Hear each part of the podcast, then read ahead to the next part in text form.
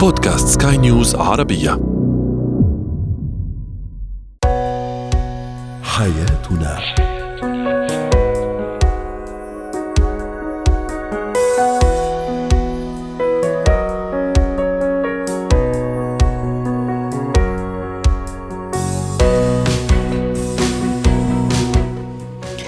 سمعنا الكرام أهلا بكم معنا إلى حياتنا فضاؤكم اليومي الذي يعنى بشؤون الأسرة وباقي الشؤون الحياتية الأخرى والذي يمكنكم الاستماع إليه عبر منصة سكاي نيوز عربية dot com slash podcast وباقي منصات سكاي نيوز العربية الأخرى. شاركونا عبر رقم الواتساب 00971 561 8862 ثلاثة. معي أنا أمال شابة اليوم نتحدث عن اختلاف العادات والتقاليد بين الزوجين أو الشريكين كيف يؤثر سلبا أو إيجابا؟ هل يثري الحياة الزوجية أو أحيانا يكون عائق أمام هذه الحياة وأمامها الشريكين؟ اللعب المشترك بين أفراد الأسرة كيف يزيد من سعادتها وكيف ينعكس إيجابا على الأطفال؟ وأخيرا العفوية الشخصية العفوية بين الإيجابية والسلبية.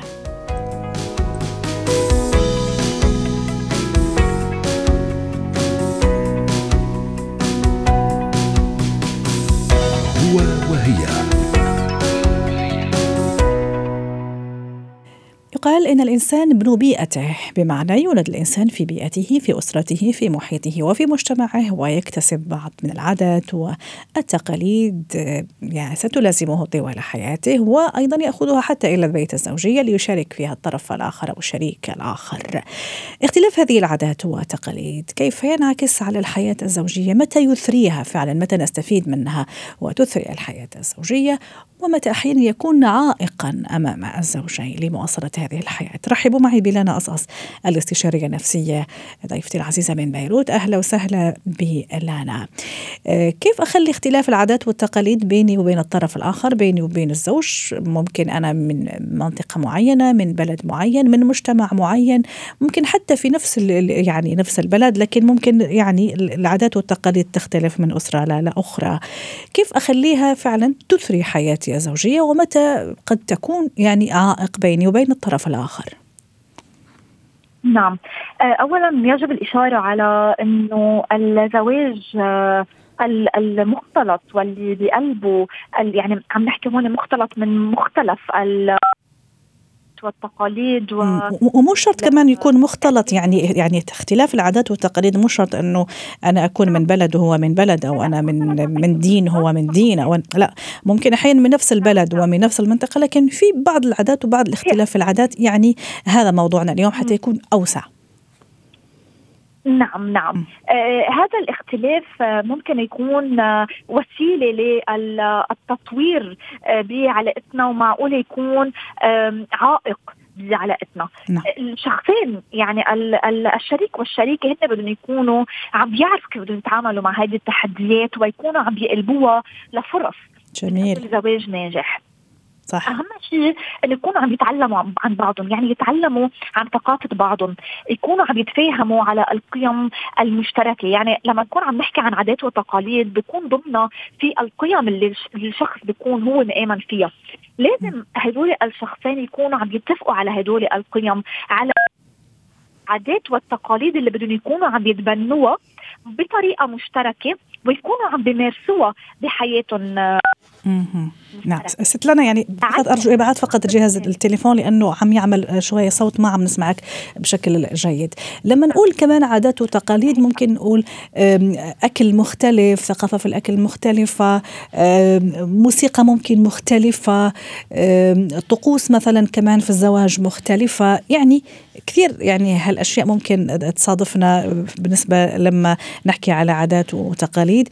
كيف؟ ممكن حتى لهجات مختلفة مصطلحات مختلفة. كيف أخليها لصالحي ولصالح العلاقة العلاقة بين الزوجين؟ صحيح صحيح. هدول اللي, ذكرتيهم هن قواسم معقول يكونوا مختلفه نحن بنفتش على قواسم مشتركة. هدول قواسم مختلفة بتكون بين الشريكين. وهون اللي كنت عم بقوله إنه نحن نكون عم نتعلم ونتعرف على الشخص الثاني بكل الجوانب. وما يكون عندنا خوف من إني أنا جرب أمور الشخص الثاني بيعملها مثل إذا كان أكلة إذا كان لغة ثانية اتعرف على اللغة تاعيته أو يمكن مثل ما قلت المصطلحات فلازم اكون عم بسال عندي هيدا يعني عندي هيدي النيه بإني جرب وإني اكون عم بعمل هالتواصل المفتوح. صحيح. عندي انفتاح على التعرف على ثقافة الغير. صحيح. وما خاف من الانفتاح هذا وهذا أهم شيء. لأنه خوفي أوقات من الانفتاح بخليني اني إني ما أكون عم بتعرف على على البيئة الثانية أو. إني خاف من البيئة الثانية أو أكون متعصبة فقط أنا لعاداتي وتقاليدي. ولما مثلا يكونوا عندنا كمان أطفال أحاول فقط إني أنا أنقل هذا العادات والتقاليد الخاصة فيا أنا فقط. وأحاول إني العادات الثانية والتقاليد الثانية للطرف الآخر أحاول إني ما ألقنها لاطفالي رغم إنه يعني تكون إيجابية وتكون يعني مقبولة جدا. فكمان هذه ممكن أحيانا تكون عائق بيني وبين الشريك وتعمل مشاكل كثيرة. صح صح. وهون لما نحكي هيك بنكون يعني بدي ركز على شغلة إنه معقولة هدول الشريكين ما يكونوا عم بي ما يكونوا عم يتفقوا من قبل على القواسم اللي هن بدهم يكونوا عم بيشتغلوا فيها ولا وعلى التصورات الثقافية وتصوراتهم لقيمهم ومعتقداتهم المشتركة. فبالتالي أنا بدي أكون عم عم بعمل مثل آه، إثبات لقيم ومعتقداتي على حساب الشخص الثاني. وهيك ما بتمشي العلاقة. هيك بضل في توتر وبضل في صراع. أنا لازم تكون عم بشتغل على احترام وعلى تفهم العادات والتقاليد للبيئة اللي الشريك جاي منها. وبنفس الوقت هو كمان يكون عم يتفهم التقاليد والعادات اللي أنا جاية منها ونكون عم نفتش ونلاقي التوازن ما بين هدول العلاقات لحتى نقدر نكون عم نوصل لحل وسط. نقدر نكون عم نشتغل بطريقة إنه عن جد نتفاهم ونتعاون مع بعضنا لنحل هيدي الصعوبات ونلاقي حلول لممكن المشكلات اللي معقولة تقدر تكون عم بتصادفنا. وهذا ما بيصير غير بال... غير بالمفاوضه إني أنا أكون قادرة أتفاوض مع الشريك الثاني وإني أسمعه وإنه يكون في عندي صدق بالتعامل مع الشريك. أيوه صدق. برافو عليك. أنا كنت عم فكر في نفس النقطة لأنه أحيانا آه، ممكن في مرحلة الخطوبة أعديها ممكن عندي تحفظ على شيء معين أعدي رغم إنه عادي هذه العادات والتقاليد عادية جدا هي انعكاس لبيئة معينة وثقافه معينة.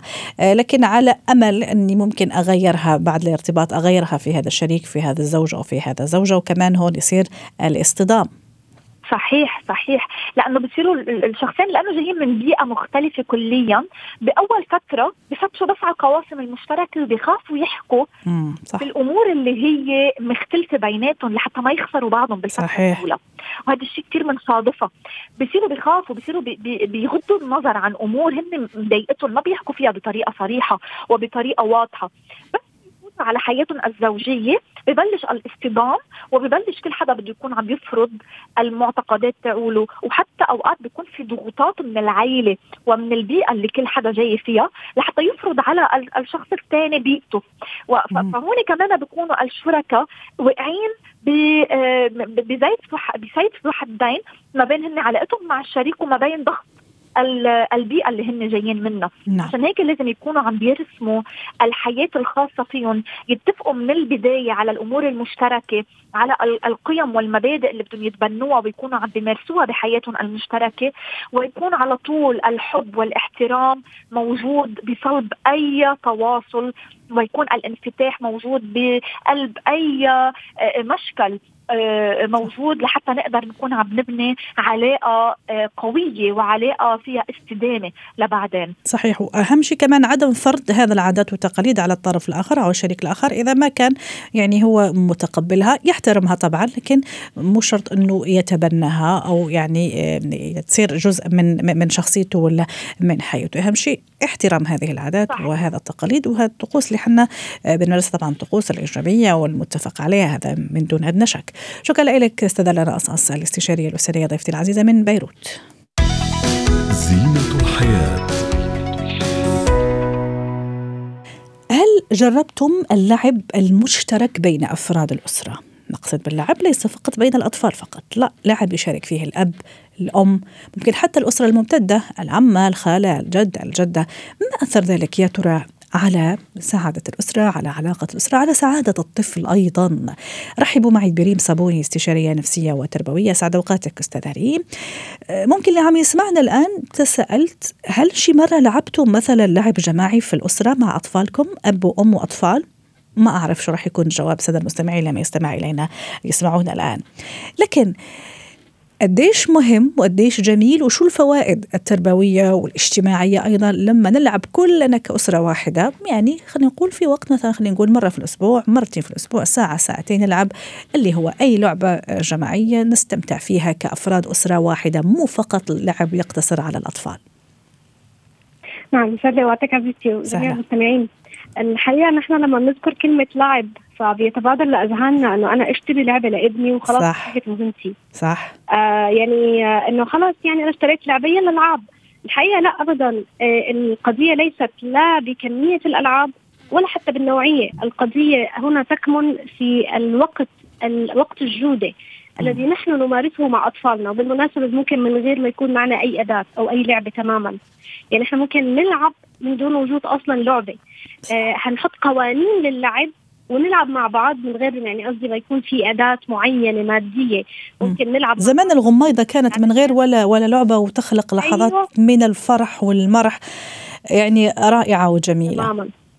تماما. يعني آه، نحن نقول أن اللعب ليس مرتبط لا بالأشياء المادية ولا بالقدرة على جلب الألعاب ولا حتى على أي شيء اطلاقا. هو مرتبط فقط بقناعاتنا إحنا عن أهمية اللعب ولعبنا إحنا وممارسته مع أطفالنا. على فكرة آه، إلى لا نهاية. يعني لا يوجد وقت نتوقف فيه عن اللعب. أيوه آه لأنه حين نقول أنا شو بدي شو بدي أنا ألعب مع ابني؟ ما أنا كبيرة يعني كيف راح يطلع فيا؟ كيف راح يشوفني؟ كأب كمان يعني أنا فاضي ألعب هلا مع ابني مثلا آه يعني كيف راح يشوفني؟ في النهاية أنا قدوة وأنا ما أدري إيش لازم أكون قوي لازم أكون شديد ما لازم يشوفني في لحظات يعني طفولية بين قوسين. لكن لا شيء جميل جدا. إذا فعلا نزلنا لمستوى هذا الطفل لعبنا كلنا ساعة مثل ما أشرت في البداية أو أقل أو أكثر. المهم ال quality time ونكون كلنا مع بعض نتشارك في نفس اللعبة. نعم أنا يستحضرني هنا قول نحن لا نتوقف عن اللعب عندما نكبر. نحن نكبر عندما نتوقف عن اللعب يا سلام. يعني اللعب لا ينتهي عند عمر معين. نحن اليوم في عالمنا أصلا نسمع عن قضية التلعيب في الشركات. نحن نتحدث عن شركات تدخل الألعاب إلى الموظفين. م. فما بالنا بأطفالنا وأسرنا الممتدة. أنت ذكرتي العم العمة الجد والجده صح. آه رائع جدا طبعا حتى العائلة الممتدة تمارس الألعاب. مش نحن مش بنقول بس أم وأب لا. آه نحن بحاجة شديدة وماسة إلى أن آه نجمع العائلة الممتدة بعد ما أصبحنا متفرقين وغير مترابطين ويعني ليس هنالك أجمل من قضية اللعب لتجمع أفراد هذه العائلة في quality time آه، وقت جودة آه، مناسب. آه طبعا خاصة إنه إنه الآن وقت صيف وإجازة صيفية أكيد ممكن اللي يسافر عند أهله اللي راح يلتقي بالأسرة الممتدة يمكن يجاته الأسرة الممتدة حتى الأب وأم فاضيين أكثر شوي. شو ممكن تلعب أو يعني شو الفائدة اللي أجنيها لما ألعب فعلا لعب مشترك بين كل أفراد أسرتي؟ شو ممكن عم أعمل بهذا الأسرة من الناحية الإيجابية؟ تمام. طبعا نحن ذكرنا الترابط الأسري غير الترابط الأسري نحن نستطيع أن نكتشف الآخر من خلال اللعب. نستطيع أن أكتشف شخصيته أن أتقرب منه مثلا أن أن تكون هنالك علاقة وطيده بيني وبينه خاصة بين الأشقاء وإذا كان في بينهم تنافس. أن أحترم الكبير ان أعطف على الصغير آه، أن أفهم برضه وأفهم الطفل الصغير معنى الربح والخسارة. يعني كمان هاي قضية هامة جدا يجب أن تصل إلى أبنائنا الأطفال. عادي جدا أنه أنا كطفل مثلا آه، أغلب بابا فبابا يخسر. بابا مش هيزعل ليه؟ لأنه هي لعبة في الأول في الآخر. فهو بالتالي حيفهم إنه أنا ممكن أخسر وممكن أربح باللعبة. أنا ممكن أتعرف على جدي من هو وجه آخر لجدي أثناء اللعب. جدي مش هو الصامت القامت كل الوقت هو ممكن يمزح ويهزر معي وممكن ابني علاقة طيبة معه. آه ممكن أتعرف كمان على أخي وأحس إنه أنا ما في تنافس بالأساس وإنما نحن ممكن يكون يجمعنا وقت واحد فيه متعة متبادلة. آه برضو آه، قضية اللعب ممكن تساعدني أنا كأب وأم إني أنا أفهم ماذا يدور في عقل طفلي. أيوة. أنا بمارس آه، أدوار تخيلية مثلا لما بنمارس اللعب التخيلي مع بعض. بعرف شو عم بيصير معه آه، هو لأنه حي بشكل غير واعي حيعمل إسقاطات على اللعب. فأنا رح أستوعب مشاعره أفكاره اشياء هو ما آه، حكى لي إياها من قبل. آه، وجه آخر لطفلي هل هو شخص مرن؟ أم هو شخص متشبث بافكاره ومعتقداته؟ حتى نحن ككبار رح ننبسط ترى استاذه ريم. يعني مو فقط هم رح ينبسطوا نعم. حنا نحن كمان رح نقتطع يعني من هذا الجزء آه، هذا الوقت يعني في خضم مسؤولياتنا وضغوطات اللي عم نعيشها. أكيد رح ننبسط لهذا ربع ساعة و20 دقيقة لما ابى ألعبها مع أطفالي مع والدهم أو مع والدتهم في مشاركة الجد أو الجد. أكيد رح تكون لحظات جدا فانيه يعني حتى أنا كبير وعاقل وراشد وبالغ أكيد راح أستفيد. حقيقي جدا. يا ريتنا فعلا يعني نقتنع بهذه القضية لأنه نحن أصلا في عملية التربية وعملية أيضا خاصة اللعب مع الأطفال بيحصل لنا آه، ما يسمى بالتشافي الداخلي بشكل غير مباشر. أيوة. أنا أتشافى داخليا وأعيش روح الطفولة لأنه كل واحد فينا أصلا في طفل داخلي يعيش ويقبع داخله أساسا. فقضية شفاء الطفل الداخلي لا يظهر إلا عندما أنا أعود طفلا مع أطفالي. آه سواء كنت طبعا آه، ايا كان موقعي الاجتماعي أب أم عم جد آه، خال ايا كان موقعي الاجتماعي آه ممارسة اللعب هو نوع من أنواع الشفاء الداخلي لنا. آه يحقق طبعا المتعة أكيد يحقق ترابط أسري بيقربني من أولادي أكثر آه، أولادي بيتقربوا مني أكثر. سواء كانوا برجع بقول شو ما كان أنا موقعي ووضعي الاجتماعي داخل هذه الأسرة. آه هون رح رح أحس إنه فعلا أنا آه آه تحررت من قيود كثيرة. نعم. خرجت عن الروتين والنظام اللي أنا عايشه بحياتي وعم مارسه وتعرفت أنا إلى ذاتي أكثر. لأنه أنا نعم. يعني يعني ممكن نحن نشوف حالنا أصلا أثناء اللعب بشخصية أخرى تماما مختلفة عن شخصيتنا الحقيقية.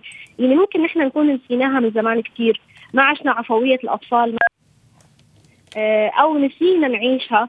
بسبب يعني زحمة الحياة وكمان آه، ضغوطات الحياة المختلفة. هو نوع برضه من أنواع التنفيس نوع من أنواع أعباء الذات واعباء الحياة.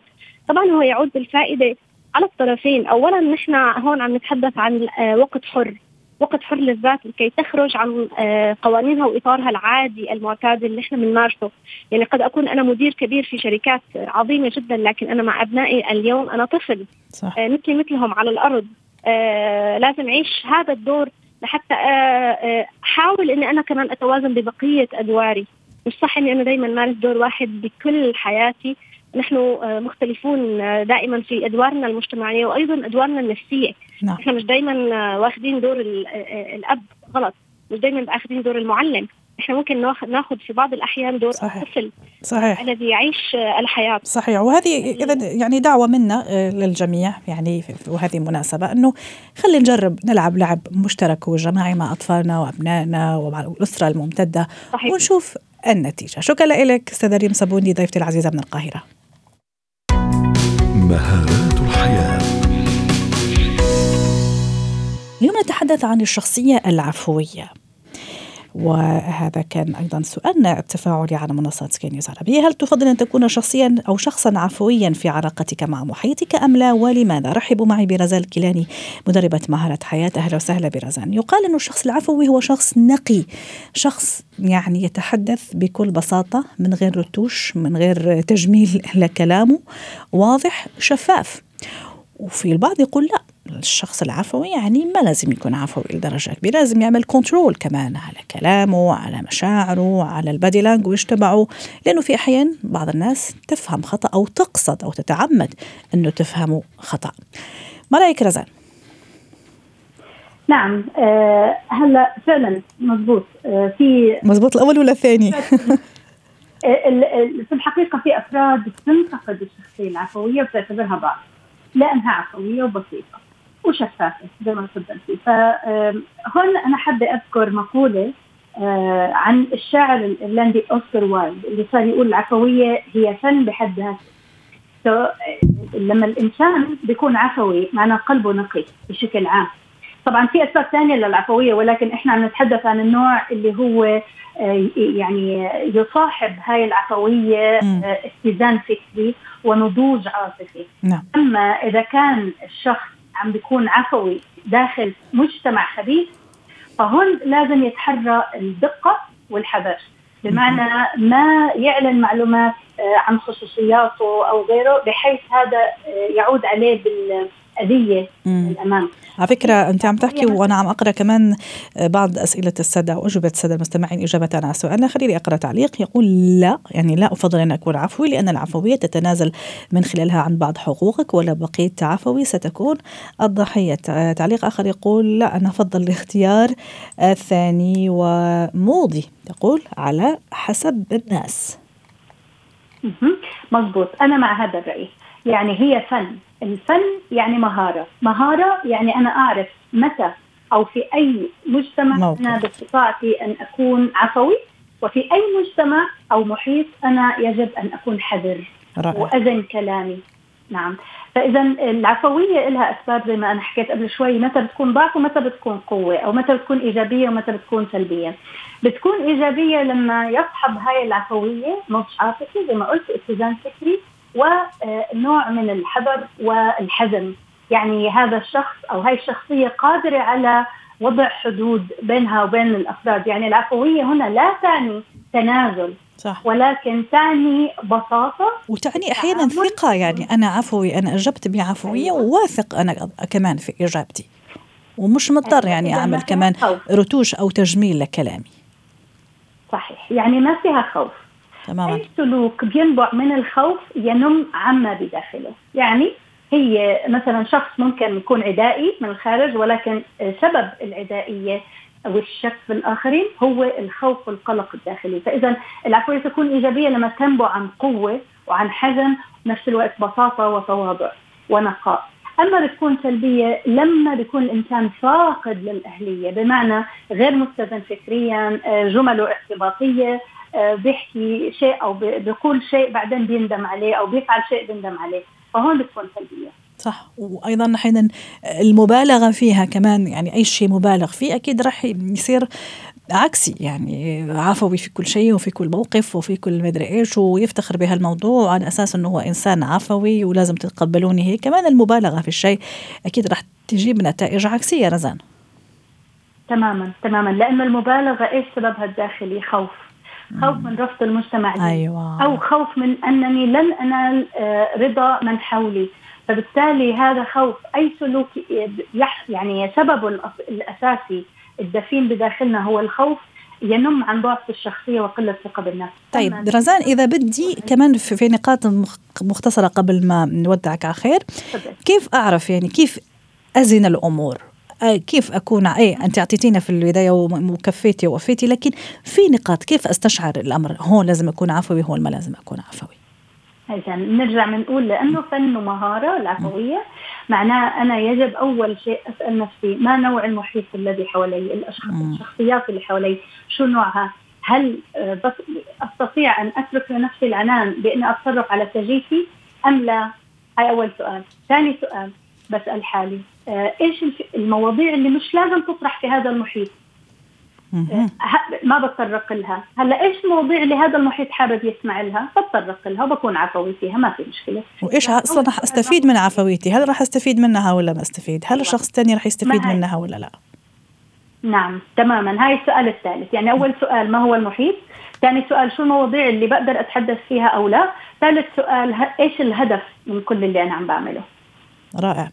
شكرا لك رزان الكلالي مدربة مهارات حياة ضيفتي العزيزة من دبي وأتمنى لك أوقات سعيدة. اليوم ضيفتنا من عمان. شكرا لك رزان بالعادة تكوني في دبي. يعطيك ألف عافية.